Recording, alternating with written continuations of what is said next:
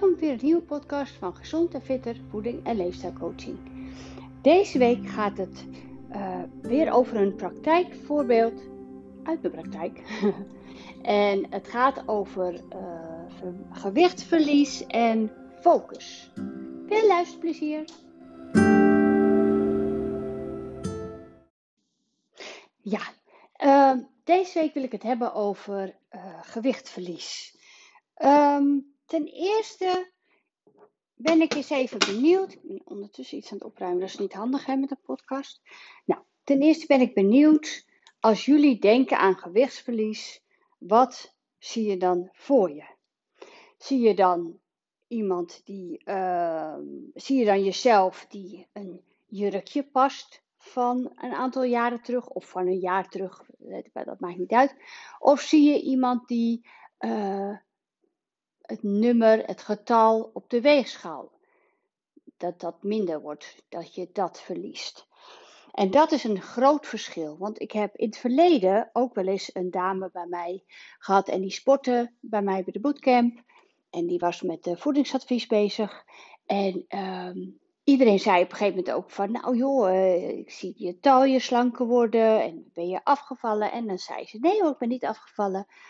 Het gewicht was niet naar beneden. Vetpercentage was een beetje naar beneden, ook niet heel erg, moet ik toegeven. Maar er gebeurde veel in haar lijf. Er, er veranderde wat in haar samenstelling van inderdaad spieren, verdeling van vet. En uh, je zag haar gewoon, uh, haar lijf zag je gewoon veranderen. Um, en wat ik nu veel zie in, in mijn praktijk is dat ook dames, bijna alle dames, focussen op het gewicht. En dat is zo zonde, want gewicht is maar een getal. En dat zit ook vaak tussen je oren. Je kan natuurlijk zeggen van ja, uh, ik wil graag weer dat en dat getal. Ik noem maar even wat. Ik wil weer uh, eh, 65 wegen. Want toen voelde ik me het prettigst. Maar uh, hoe oud was je toen je 65 woog? Uh, was het voor de zwangerschap, na de zwangerschap, uh, voor de overgang, na de overgang? Weet je, is het wel realistisch om datzelfde gewicht weer te halen? Dat is vraag 1. Vraag 2 is, um, sportte je toen net zo intensief of net zo op, de, op dezelfde manier als nu?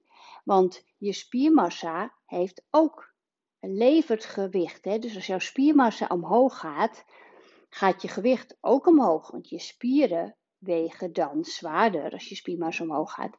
En dan is je gewicht ook zwaarder. Nou, dan is er nog dat mensen, dames, op de weegschaal gaan staan. En de weegschaal geeft hun, bij hun thuis geeft geen um, spiermassa aan. Dus je ziet niet dat je spiermassa bent aangekomen. Je ziet alleen dat cijfertje op de, op de weegschaal.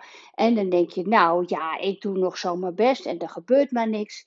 En, en dat is zo demotiverend. Dan kan ik me zo voorstellen, en dat gebeurt in de praktijk ook, dat je denkt van nou weet je, fuck it, ik stop ermee. Of ik, als er dan iemand met een gebakje middags komt of een wijntje, denk je nou, het heeft toch geen nut, want ik doe alles en er gebeurt niks. Hup. Um, dus dat is super, super zonde. Wat ik adviseer, als je dus geen weegschaal hebt met spiermassa en uh, vetpercentage die dat aangeeft.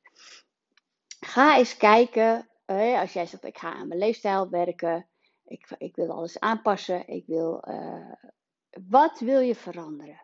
Ga eens in je onderbroek of in je blote kont voor de spiegel staan. Kijk eens naar jezelf. Maar kijk ook kritisch, hè? Kijk naar de vrouw die je nu bent, of man. Sorry dat ik zo uh, het allemaal over vrouwen heb. Kan ook met mannen. Kijk naar wie je nu bent. Want uh, vergelijk jezelf niet met jaren terug. Hè?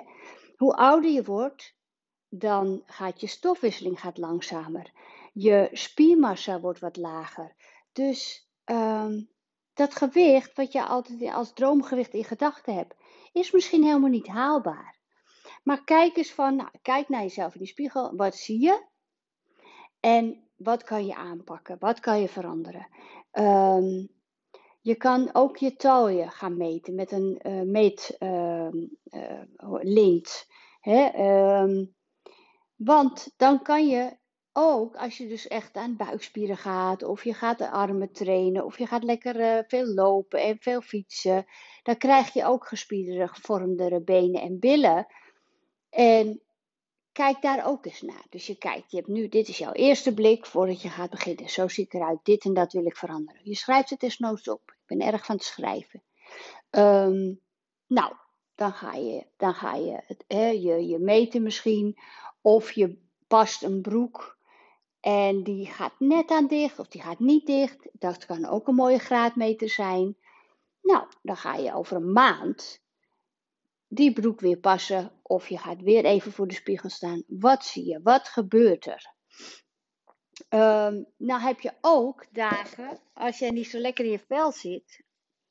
Of er is één week in, eh, in die uh, cyclus uh, dat je een beetje opgeblazen bent. Of hè, ga dan niet in die week voor de spiegel staan. Want dan uh, ah, je zit niet lekker in vel, dus je kan niet positief naar jezelf kijken. Je ziet allerlei dingen en je denkt, oh, er is niks gebeurd. En, hè, dus dat is ook iets tussen je oren. Je kan zomaar twee dagen later weer kijken en denken, oh, dat eigenlijk best mee.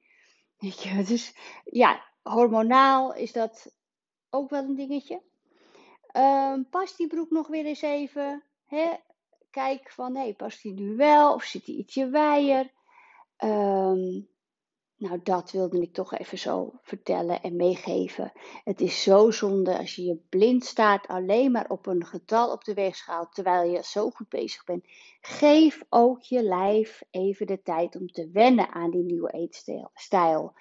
Om te wennen aan uh, het meer water drinken, aan de krachttraining. Um, ja, dat.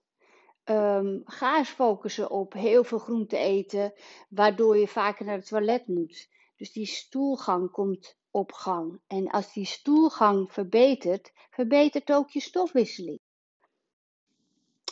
En als je wel een weegschaal hebt die je vetmassa en je spiermassa meet, ja, dan adviseer ik vooral niet naar het gewicht te kijken, maar wel naar je vetpercentage. Want bij mij in mijn praktijk weegt hij eerst het gewicht en dan zeggen de, dames en heren, oh, ik ben afgevallen. Of hé, ik ben niet, hè, het is nog steeds hetzelfde. En dan zeg ik, nou, wacht maar af. Gewicht is hetzelfde. Vetpercentage is soms, soms 1 kilo vet eraf. En de spiermassa is bijvoorbeeld een halve kilo omhoog. Of een kilo omhoog. Omdat ze lekker aan de krachttraining zijn gegaan of gewoon lekker veel hebben gewandeld en gefietst, ja, dan is dus je gewicht hetzelfde. Maar die vetpercentage, daar gaat het om. Die moet naar beneden. want of dat nou bij je buik, benen of billen is, je gewichtverlies heeft te maken met je vetverlies natuurlijk. Want als jij alleen maar gewicht verliest en dat is spiermassa, omdat je niet sport of te weinig, dat is ook weer dat, als je te weinig eet, en je bent lekker aan de krachttraining, je bent lekker aan het bewegen en je gaat heel weinig eten, gaat die voeding niet naar je spieren. je, je, spieren hebben ook voedingsstoffen nodig om het dan maar te kunnen doen. Dus als dat niet genoeg voedingsstof krijgt, gaan die spieren niet omhoog. En dan verlies je in spiermassa en dan denk je dat je bent afgevallen. Ja, dat wil je dus niet. Die spiermassa zorgt voor een hogere metabolisme, een hogere stofwisseling. Want die spieren hebben al door honger. Als je spiermassa omhoog gaat, heb jij gewoon, krijg je op een gegeven moment ook aan het einde van het verhaal wat meer trek. Gewoon lekker blijven eten, gezond blijven eten, ga je vanzelf afvallen in vet. Dat is de bedoeling. Nou, ik hoop dat jullie hier wat aan gehad hebben. Mocht je weer willen weten over extra eiwitten of hoe dan, welke krachttraining, weet u mij te vinden www.gezondenfitte.nl. Uh, kijk een keer bij de vergoedingen en ga anders een keer lekker mee sporten. Fijne dag, doeg!